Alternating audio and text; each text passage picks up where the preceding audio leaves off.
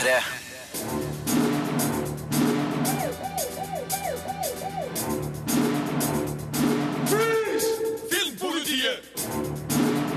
What's dude? Birger Vestmo. What kind of stupid name is that? Matt Damon gjør et velkomment comeback som Jason Bourne i Jason Bourne. Looking the Movie er en tilfredsstillende avslutning på en vakker serie. Everybody Wants Some er en morsom college-komedie med skyhøy nostalgifaktor. Bad Moms er stappfull av billige bloggpoenger om samfunnets perfeksjonsjag. Truman er et eh, vakkert drama om livet og døden. Og så har du kanskje hørt om Stranger Things i løpet av sommeren? Du får et gjenhør med vår anmeldelse av serien. Filmpolitiet anmelder film. Jesus Christ, that's Jason Bourne. Why would he come back now? Matt Damon gjør et velkomment comeback som Jason Bourne i filmen som heter det samme som figuren. Han er et sentralt midtpunkt i en tettpakka og action-meta-historie som riktignok må finne seg i å rangeres under film to og tre i serien, men som likevel har den intense handlinga og den trykkende atmosfæren som gjør Jason Bourne-filmene til effektiv underholdning. Man sitter av og til med en følelse av at sitronen skvises for sine siste dråper, men samtidig gis det inntrykk av at denne serien kan pågå så lenge Matt Damon orker. I remember everything. Remembering everything doesn't mean you know everything. Tell me. Etter å ha vært plaga av hukommelsestap gjennom flere filmer, husker nå eks-agenten Jason Bourne, spilt av Matt Damon, så godt som alt. Han blir spora opp av sin tidligere kollega Nikki Parsons, spilt av Julia Stiles, som har mer informasjon om Bournes fortid og CIAs lysskye fremtidsplaner. Dermed får de igjen CIA etter seg, nå representert ved direktør Dewey, spilt av Tommy Lee Jones, agenten Heather Lee, spilt av Alicia Vikander, og en snikskytter, spilt av Vincent Cassell. Denne jakta beveger seg i et utmattende tempo via flere byer som Reykjavik, Roma, Berlin, London og Las Vegas. He's seen things. He knows things. What if he's not coming for us? What if it's something else? Regissør Paul Greengrass var òg mannen bak gåten Jason Bourne fra 2004 og Jason Bournes ultimatum fra 2007, henholdsvis film to og tre i serien, som fremdeles er de beste. I den nye filmen gir han oss mer av det samme, og viderefører det effektive filmspråket med begrensa dialog, harde nærkamper, intense forfølgelsesscener både til fots og bak ratt, alt skildra med epileptisk kameraføring, taktfast orkestermusikk og lynkjapp klipping. Actionsekvensene er rotfesta i virkelighetens fysiske lover, og er dyktig utført uten merkbar bruk av dataanimasjon, men med merkbar bruk av dyktige stuntmenn og stuntkvinner. Filmens figurer får ikke tid og rom til å bli mer enn omriss, men fungerer greit etter sine forutsetninger. Matt Damon har ikke glemt sine Jason Bourne-kunster på de ni årene siden forrige gang han spilte figuren. Han er fremdeles en brukbar actionhelt med et menneskelig tilsnitt. Jason Bourne blir derfor en tilfredsstillende actionfilm som tenner på de fleste pluggene, og har samtidig en liten utvikling av tittelfiguren som heller han interessant og relevant. Det her er fremdeles en fengende filmserie, sjøl om nyhetens interesse har lagt seg. Terningkast fire Filmpolitiet. på P3. Looking har vært en av HBOs litt skjulte serieperler de siste åra. Serien om tre homofile venner i San Francisco ble kansellert etter bare to sesonger, men nå har serien fått en avslutning. Denne uka kom nemlig Looking the Movie på HBO Nordic. En TV-film som gir oss en siste fest med gjengen. Sett og anmeldt av Sigurd Vik. Filmpolitiet anmelder TV-serie. First time here? Me? No, I used to live here for almost 10 years. So what brings you back? I'm here for a wedding. Det er et kjærkomment gjensyn med gjengen når HBOs Looking nå er tilbake på skjermen med den avsluttende filmepisoden Looking the Movie.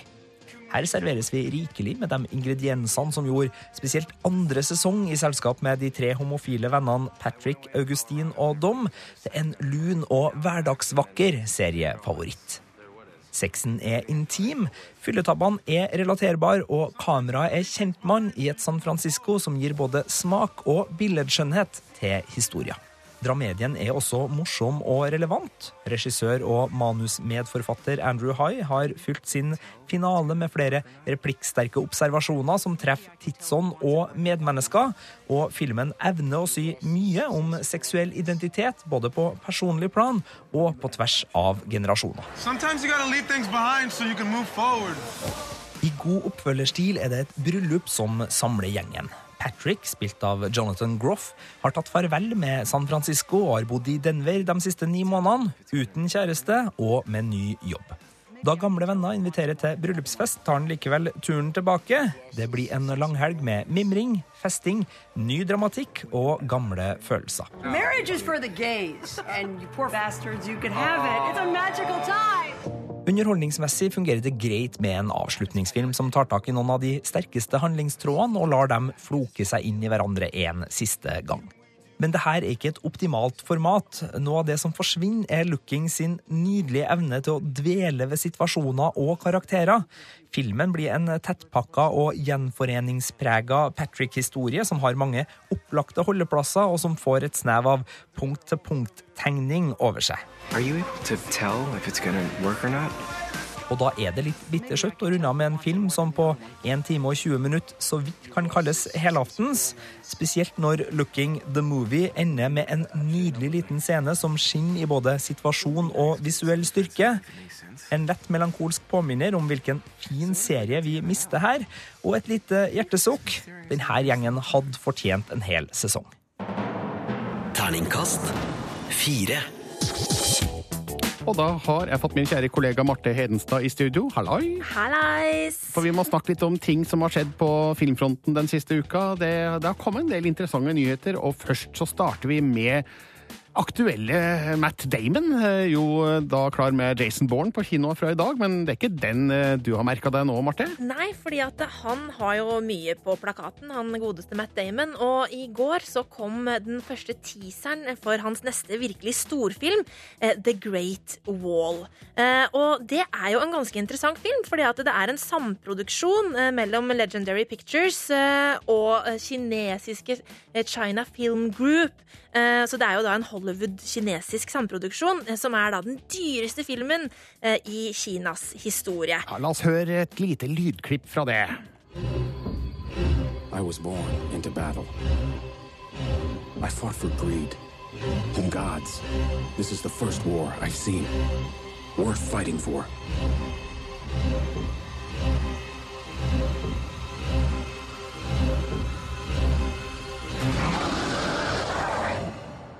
Ja, Hva syns du om det her, Marte? Eh, Det er pompøse greier. Ja. Eh, Men eh, også er det Matt Damon går liksom veldig sånn soldataktig rundt omkring og slåss mot noe. Det er noen monstre der og sånn. Men selv om det er pompøst og overdådig, så syns jeg jo det er litt kult. Selv om det òg er litt eh, merkelig at Matt Damon eh, er i Kina sammen med eh, Pedro Pascal, som spiller Oberyn Martell i Game of Thrones. Det er to ikke-kinesiske folk som tydeligvis er på den kinesiske muren og er med i en krig.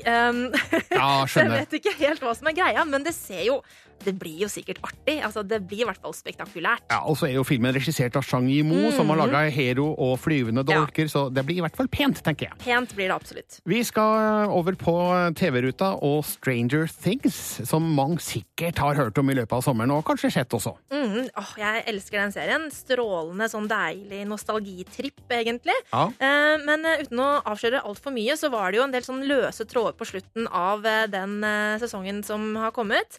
Eh, men eh, så har da eh, Matt og Ross Duffer, som har laga denne serien, de er brødre, sagt at hvis det kommer til å bli en sesong to, så vil de nøste opp i disse trådene. Men det kommer ikke til å bli en Altså, det kommer ikke til å bli bare en fortsettelse, det kommer til å bli en oppfølger. Eh, og hva de mener med det, er litt sånn rart. Altså, Jeg har, skjønner ikke forskjellen her. jeg. Nei, altså de har sagt uh, But if we, go, if we get to go back It's not a second season as much as a sequel Uh, Så de kommer til å utforske liksom, dette, denne, dette universet Som avsløres i Stranger Things mer Men kanskje de ikke kommer til å bygge videre på Kanskje den guttegjengen da Som det handler om i første sesong Men at det skal kanskje settes i samme univers Eller et eller annet sånt. Over til Lights Out, som går på norske kinoer nå. En uh, grøsser som fikk terningkast fire her i Filmpolitiet. Den uh, ligger også an til å få en oppfølger. Ja, fordi den har jo gjort det overraskende bra. Altså, den den kosta bare 4,9 millioner dollar å lage, men har allerede tjent inn 27 mill. i USA og 35 millioner på verdensbasis, dollar altså. Uh, Så jeg skjønner jo da at New Line Cinema syns dette her er en kjempefin greie å gjøre oppfølger på. Og det er jo litt artig, da, fordi at det er jo da svenske eh, David F. Sandberg eh, som har, laga denne filmen, med James Wan på produsentsida. Mm. Eh, Så det er spennende. Må ikke forveksles med David Sandberg, en annen svenske som laga Kung Fury. Ja, veldig rart. Eh, Og det som er litt morsomt, er at eh, denne David Sandberg han eh, har, jo da laga Lights Out basert på en kortfilm han hadde laga. Og sånn er det vel også for han han godeste andre Sandbergen, som skal kanskje lage film videre på Kung Fury. Så det er lett å forveksle de Ja, to. vi er en sånn eh, Paul Anderson-situasjon her. Eh, WS og eh, Thomas eh, gjør eh, hele forskjellen. Ikke sant? Filmpolitiet anmelder film. This ain't high school, man. You're at a new level here. Everybody Wants Some er regissør Richard Linklaters spirituelle oppfølger til sin egen knallfilm Dazed and Confused fra 1993, som skildra en ungdomsgjengs siste skoledag i 1976. Nå er handlinga lagt til sensommeren 1980, der vi møter en gjeng studenter i dagene før semesterstart på college. Dette er en film med skyhøy nostalgifaktor, mye fest og moro med fargerike figurer og en sprek skildring av ungdomsliv i en tid som tilsynelatende var prega av naiv uskyld. Everybody Wants Some minner iblant om klassiske high school- og college-komedier som Delta-gjengen, Fast Times at Ridgemont High og Skurk med stil, men mest av alt vekkes assosiasjonene til Linklaters egen Dazed and Confused, og det her er slett ikke et dårlig knippe filmer å kunne sammenligne seg med. Okay, I'd like to introduce you to the new guys on the team. There's going to be some guidelines for living here. Number one, no alcohol in this house. Vi opplever handlinga gjennom Jake, spilt av Blake Jenner, som kommer til colleget der han skal bo i et hus utafor campus, sammen med resten av skolas baseball-lag, annet Roper, spilt av Ryan Guzman, Mac Reynolds, spilt av Tyler Hocklin, og Finnegan, spilt av Glenn Powell. Dagene før semesterstart tilbringes uten tilsyn av voksne, der guttene har fritt spillerom til fest, fyll, moro og nærkontakt med jenta. Tittelen 'Everybody Wants Some' er henta fra ei låt av Van Halen, som sjølsagt er med på soundtracket. Og du kan jo bare tenke deg hva det her 'Some' er. Ja, figurene har et aktivt fokus på sex, og filmen skildrer det her utelukkende som en positiv jakt på hyggelige opplevelser, i en tid med et tilsynelatende mer avslappa forhold til kjønnsdrift. Hey, ladies. You should be investing this energy elsewhere. Like. Richard Linklaters filmer er alltid fulle av interessant og poengtert dialog, noe som òg er tilfellet med Everybody Wants Some. På overflata kan dette virke som en grunn partyfilm, men bakenfor ligger et alvor i skjæringspunktet mellom ungdomsliv og voksenliv, som òg var en del av tematikken i Linklaters fantastiske Boyhood. Everybody Wants Some er langt lettere i steget, har mindre emosjonell slagkraft, men er en desto mer humoristisk skildring av ungdomslivets lyser utfordringer. Filmen overskrir så vidt den perfekte spilletida, slik at eh, enkelte sekvenser går litt på tomgang. Men det er òg den skarpeste kritikken jeg er i stand til å komme med. Derfor er det lett å gi en uforbeholden anbefaling til Everybody Wants Some. I'm pretty sure that that is a new school record. Terningkast fem. London Has Fallen er nå tilgjengelig på Blu-ray, DVD og på strømming. Her er det jeg mente om den ved kinopremieren. Filmpolitiet anmelder film. Welcome to London, Mr. President. What's wrong? Nothing. Bugs the hell out of me. Actionfilmen Olympus Has Fallen ble en uventa pen suksess for Gerard Butler og Aaron Eckhart i rollene som henholdsvis livvakt og USAs president. Derfor får vi oppfølgeren London Has Fallen, der handlinga naturlig nok forflytter seg fra Det hvite hus til Storbritannias hovedstad. Regissør Babak Yanafi, kjent for Snabba Cash 2, går hardt til verks med stygge voldsscener, et gjennomført driv og Butler som nærmest parodisk tøff helt. Det her er alt annet enn subtil og sofistikert filmkunst, men London Has Fallen fungerer greit på sine premisser som enkel og hardbarka action. Hell of a presidential race, sir. Every day the same damn joke. What the hell they make you out of? Bourbon and poor choices. Den britiske statsministeren dør uventa. Statsledere fra hele verden kommer til begravelsen, deriblant den amerikanske presidenten Benjamin Asher, spilt av Aaron Eckhart. Som vanlig beskyttes han av et Secret Service-team ledet av agenten Mike Banning, spilt av Gerard Butler. Et massivt terrorangrep sender dem på rømmen gjennom Londons gata, på flukt fra den internasjonale våpenhandleren Amir Barkawi, spilt av Alun Abutbol, som er på jakt etter hevn fordi deler av familien hans ble drept i et amerikansk droneangrep. To our friends in the West. Bakawe. Number six on the 10 list. What do you want? Your president. That's not going to happen. Historiens utgangspunkt er kanskje ubehagelig aktuelt, men manuset gjør London Has Fallen unødvendig sort og hvit. En mer nyansert tilnærming til både handling og figurer hadde gjort filmen mer interessant. Det den er best på, er tett og intens action med blodige konsekvenser. 15-årsgrensa bør virkelig overholdes her. I en verden av snille actionfilmer retta mot lavere aldersgrensa, er det befriende å få en film med såpass brutalt innhold. Pent er det ikke, men det er tøft og effektivt. Spesielt imponerende er en lang kampsekvens gjennom en trang London-gate, tilsynelatende filma i én tagning. You don't let them take me. If it comes to it, I want you to kill me. That's an order. London Has Fallen forsøker så godt den kan å være en storskala film på et budsjett.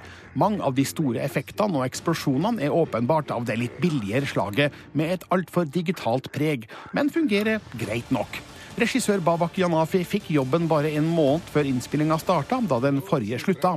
Jeg syns han har greid å hale i land en respektabel actionfilm som ikke får noen pluss i margen for interessant persongalleri eller tankevekkende manus, men som vil tilfredsstille actionglade kinogjengere som ønsker litt tøffere underholdning. Mike, we're getting you out. Go, go, go! Rooftop, 3 o'clock! Terningkast 4. Perfeksjonsjaget for den velstilte middelklassens mødre er temaet i premierefilmen Bad Moms. Kollega Sigurd Vik mener filmen byr på flere morsomme situasjoner, men den er også stappfull av billige bloggpoeng. Filmpolitiet anmelder film. It's impossible to be a good mom. Screw it. Let's be bad moms. I'm in to bad moms! Bad Moms er en friksjonsfri venninnekomedie som ikke klarer å bringe verken nerve eller nevneverdig innsikt i temaet filmen klistrer opp på plakaten, nemlig perfeksjonsjaget for den øvre middelklassens mødre. Det starter som et filmatisk blogginnlegg stappa med billige kåseripoeng om hvor fælt alt perfeksjonsstresset er. Ikke for å undergrave alvoret av det moderne fasadejag, men det her er den supertydelige Hollywood-versjonen hvor alle skal kjenne seg litt igjen, og ingen skal få direkte skyld for noe som helst. Dermed gjør ikke Bad Moms noe annet enn å overdrive det opplagte og det småsnobbete. Det betyr ikke at filmen ikke er morsom, eller kan fungere som en godlynt påminner om å senke skuldrene. Catherine Hahn er sitt sedvanlige gode komiker-jeg, og Mila Kunis, Kristen Bell og Christina Applegate er for gode til at filmen blir direkte dårlig. I'm gonna try to do everything by myself today, which should be fine. Amy, spilt av Mila Kunis, jobber knallhardt for en utakknemlig sjef, en utakknemlig ektemann, og har et salig strev med å holde timeplanen til to aktive barn og en svimmelsyk hund. Så når ektemannen viser seg å være utro, og sjefsmegga i foreldreutvalget straffer Amy med ekstrajobb på kakesalget, så ryker sikringa i det stive forstadssmilet, og sammen med et par av skolens mer uglesette mødre bestemmer Amy seg for å være en bad mom. Right. Regissørene John Lucas og Scott Moore har tidligere skrevet manus til de populære Hangover-filmene. Men sjøl om de to er gode på å skrive rusbasert forstadshumor, er de ikke like dreven på å regissere samme tematikk. Spesielt i filmens første del er duoen så opptatt av å slenge rundt seg med 'mor er travel'-vitser at Mila Kunis ikke får rom til den timinga som trengs for å levere poengene med full effekt. There's so many rules now. Don't punish your kids. Don't say no to your kids. Badmans fungerer som grei nok underholdning til fans av harmløse crazy komedier og foreldre som vil ha litt gjenkjennelseskomedie. Men det her er ferdigfordøyd søtsuppe. Så redd for å tråkke på noen tær at den aldri klarer å sparke ifra seg. Terningkast tre. Men nå skal det handle om Comic-Con, den store messa som ble avholdt i California forrige helg. Mm, eh, og tradisjonen tro så kom det jo en hel drøss med trailere. Eh, Og eh, før helga så lovpriste vi jo Luke Cage-serien til Marvel, som allerede hadde kommet med trailer da. Men selv om da Marvel kanskje vant Comic-Con med tanke på TV-serier, så var det DC Comics som vant eh, på filmfronten. Altså. For at eh, de har bare kjørt på med noen skikkelig fete trailere. Eh, Og vi kan egentlig bare kjøre i gang med den første, kan vi ikke det? I can't let you do this. What I do is not up to you. Hva er det her for noe? Ja, du, det her er lyd fra Wonder Woman. Eh, og det som var så tøft med DC, var at eh, de la ut alle trailerne de viste i H-hallen på Comic-Con eh, i, San Diego der. Eh, de la ut den på nett rett etterpå. Men i motsetning til Marvel, som eh, faktisk viste trailere eh, av Guardians of the Galaxy 2 og den nye super, nei, Spiderman-filmen, men de la det ikke ut. De viste det bare for de som var der. Bu! Bu sier jo selvfølgelig vi til det. Eh, og da jeg så eh, Wonder Woman-traileren, så tenkte jeg det her det her er den feteste traileren eh, i år. Fordi altså, eh, Gal Gadot hun er jo bare så utrolig kul. Um, og det var faktisk uh, The Wall Street Journal de meldte at uh, den traileren var den mest diskuterte på nett. Uh, etter at den ble sluppet, da, så var det liksom den som trenda på nett, og det skjønner jeg godt. Um, og det som er litt sånn kult, er at vi fikk jo se Gadot som Wonder Woman i Batman vs. Superman.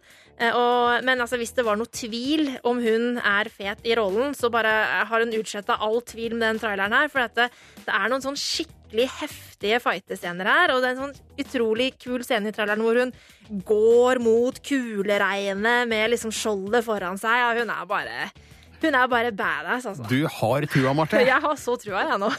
Hva med, hva med den andre store traileren du har tenkt å trekke frem her, Ja. nemlig Justice League? Ja, altså eh, dem- Jeg må bare holde meg til DC, fordi at eh, eh, Justice League-traileren den var veldig, veldig kul. Og det var kanskje snarere en sånn presentasjon av rollefigurene enn en faktisk trailer.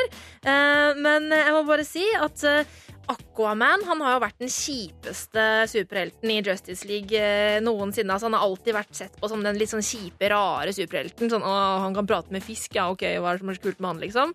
Eh, men nå er det jo Jason Momoa som har fått den rollen, eh, og han sier ikke så mye i den traileren her, men han er bare rett og slett råskapen selv og har en sånn derre Nesten sånn galskap eh, i blikket som eh, kler den rollen helt utrolig bra. Så jeg gleder meg skikkelig til Justice League. Vi hører litt lyd fra den.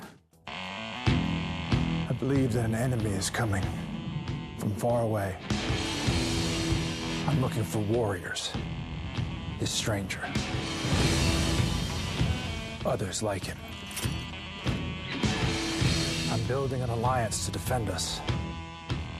It's very important that I see this man. I heard about you. Didn't think you were real. I'm real when it's useful. Tøff, tøff musikk, i det minste. Ja, og det vi hører her, det er da Ben Affleck i rollen som Batman, som er da på leting etter superhelter som han skal samle til dette teamet sitt, som skal slåss mot ondskap. Eh, og det høres kanskje altså, Du må se traileren for å forstå hvor kul den er. eh, for det er en sånn veldig god komisk timing her, som er veldig artig. Eh, og så får jo da altså både Jason Momoa som Aquaman og Cyborg og Wonder Woman og The Flash får også vist seg litt frem i den traileren her. Og eh, jeg har vært lurt lenge på hvordan DC skal klare å konkurrere mot Marvel når det gjelder da Justice League versus uh, The Avengers, men eh, nå tror jeg at det kan bli ganske så bra, altså. Filmpolitiet. Dette er P3. Filmpolitiet anmelder film. ¿Y el equipaje? En el hotel, justo en el que está aquí en la esquina. ¿Cómo en el hotel? ¿Pero por qué no te quedas aquí? Den spanske filmen Truman handler kort sagt om livet og døden. Hvordan noen klynger seg til det ene, mens andre forsoner seg med det andre. Det er et vakkert drama med gode skuespillerprestasjoner og en tone som aldri sklir ut i det melodramatiske. Regissør Cesc Gay, som òg har skrevet manuset sammen med Thomas Aragay, skildrer begivenhetene innenfor et avmålt og troverdig følelsesspekter. Overdrivelser trengs ikke, for tematikken er sterk nok i seg sjøl.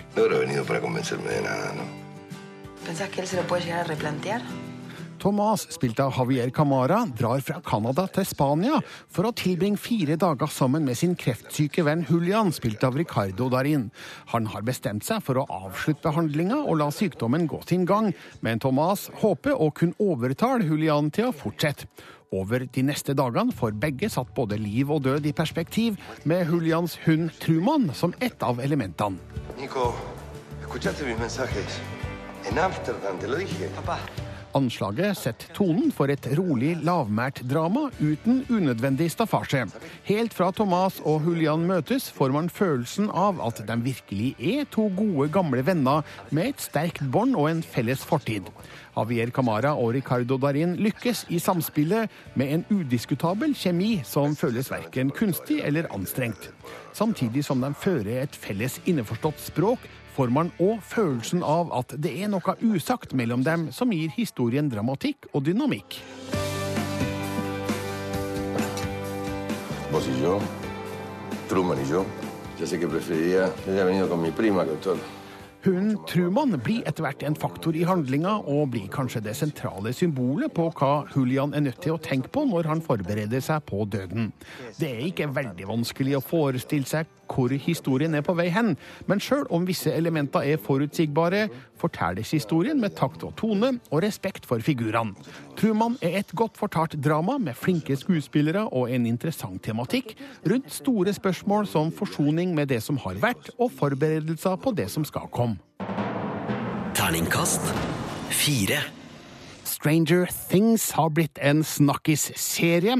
Den hadde premiere på Netflix for to uker siden. Sigurd Vik anmeldte den da, og det får du høre om igjen. Nå Nå han mener at dette er en mysterieserie som både hyller og bygger på 80-tallets familievennlige spenningsfilmer. Filmpolitiet anmelder TV-serie. Something is coming. Something hungry for blood. What is it? The Demogorgon! We're in deep shit. Stranger Things er en serie som oser av referanser til 80-tallets familievennlige spenningsfilmer, og som klarer å høste den tjukke nostalgitåka til en stemningsfull og sår mysterieserie. Med noen herlige rollefigurer, et knakende godt soundtrack og en lekker fargepalett har brødrene Matt og Ross Duffer skapt en kul verden, hvor tema som vennskap og det å miste et barn behandles både lunt og brutalt. 99 out of 100 times kid goes missing, the kid is with a parent or a relative. What about the other time? What? You said 99 out of 100. What about the other time? The one! Året er 1983, og etter en real runde med rollespill i kjellerstua, så må firerbanden Mike, Dustin, Lucas og Will bryte opp for kvelden. Men bare tre av guttene legger seg i egen seng den natta. På veien hjem forsvinner nemlig Will sporløst, og i de neste dagene og ukene er mor, venner og politikorpset i den lille småbyen Hawkins, Indiana, på leiting. Mamma Joyce er overbevist om at hun kan høre sin sønn kommunisere gjennom elektriske forstyrrelser, mens guttene tyr til sin kule vitenskapslærer på skolen for å sjekke noen av sine teorier rundt forsvinninga. You're in trouble, aren't you?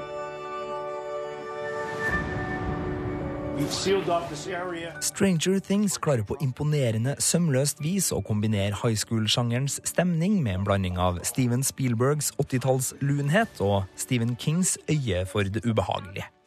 Denne referansebruken gjør at det er lett å finne ting å klage på i Stranger Things, eh, hvis man vil. Det er den scenen fra Alien, den gåturen fra Stand By Me og det forholdet fra ET. Serien er et lappeteppe av kjente handlingstråder og scener, men brødrene Duffer legger på ingen måte skjul på sine inspirasjonskilder. De klarer å få de her brikkene til å smelte sammen til noe større enn sine respektive referanser. Her veves vitenskap, populærkultur og det overnaturlige sammen av en usynlig tråd som glimtvis lar snev av et større tematisk alvor skinne igjennom.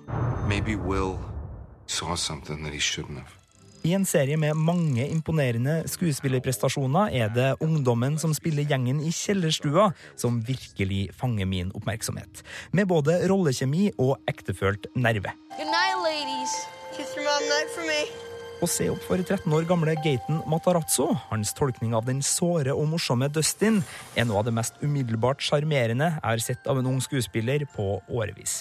Og de her kule rollefigurene, den svartglitrende estetikken og den tettvevde underteksten gjør Stranger Things til en smart og underholdende retrofest. Har du ei kjellerstue, så slå av taklampa og se serien der. Terningkast fem. Filmen Ten Cloverfield Lane er nå tilgjengelig på Blu-ray, DVD og strømming. Her er min dom over filmen. Filmpolitiet anmelder film. What are you gonna do to me? I'm going to keep you alive.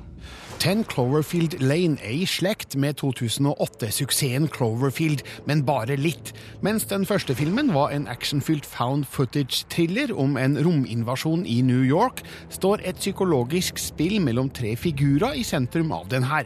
Man lurer lenge på hva som er filmens ytre ramme, og regissør Dan Trachtenberg holder oss på pinebenken, men serverer oss en dramatisk konklusjon. Det her er en forholdsvis spennende thriller med et mildt hint av science fiction. You were in an accident, and I saved your life by bringing you here. And everyone outside of here is dead. Michelle, spilt av Mary Elizabeth Winstead, våkner opp etter en ulykke og oppdager at hun holdes innesperra i en underjordisk dommedagsbunker bygga av Howard, spilt av John Goodman. Han påstår at et mystisk angrep har gjort lufta på overflata giftig, og at hun må bli der. Michelle tviler etter hvert på historien og overtaler den tredje personen i bunkeren, Emmet, spilt av John Gallagher jr., til å bli med på planlegginga av et fluktforsøk. What was that? Quiet. How do you know that this is real? Det er et sprekt valg av produsentene JJ Abrams og Lindsay Weber å gå fra stor effekt-action til lite kammerdrama innenfor samme univers. Det er dessverre òg en av filmens svakheter. Siden den befinner seg i Cloverfield-universet, skjønner vi at det faktisk foregår noe på overflata, mens det er et usikkerhetsmoment for de to gjestene hvorvidt Howard snakker sant eller er en spitter pinegal kidnapper. Hadde Ten Cloverfield Lane kommet før Cloverfield, ville det stilt seg annerledes. Your arm. Were you trying to escape? I was trying to get in. Mary Elizabeth Winstead er heldigvis en god skuespiller som formidler en interessant figur med viljestyrke. Jeg tror på hennes modige handlinger. John Goodman spiller også effektivt som ruvende og uforutsigbar bjørn. Det er lett å forstå hvordan han kan holde andre under kontroll. Goodman lar det dryppe hint her og der som kan forklare hvorfor Michelle er til stede i bunkeren i det hele tatt. 40 feet underground. Three years worth of food and water. Regissør Dan Trachtenberg og fotograf Jeff Cutter har fått mye ut av det lille de har av spillerom i bunkeren. Jeg får den innestengte og klaustrofobiske følelsen som det er meninga at man skal kjenne på. Avslutninga gir historien en ny dimensjon, uten å avsløre noe, og gjør Ten Cloverfield Lane til en forholdsvis vellykka film. Den er nok ikke i nærheten av den første filmens kvalitetsnivå, men er et greit mellommåltid til det som eventuelt kommer siden. Something's coming. Terningkast fire. Les mer om film, spill og serier på p3.no Filmpolitiet. Filmpolitiet hver fredag fra 11 til 1 på P3. Hør flere podkaster på nrk.no podkast.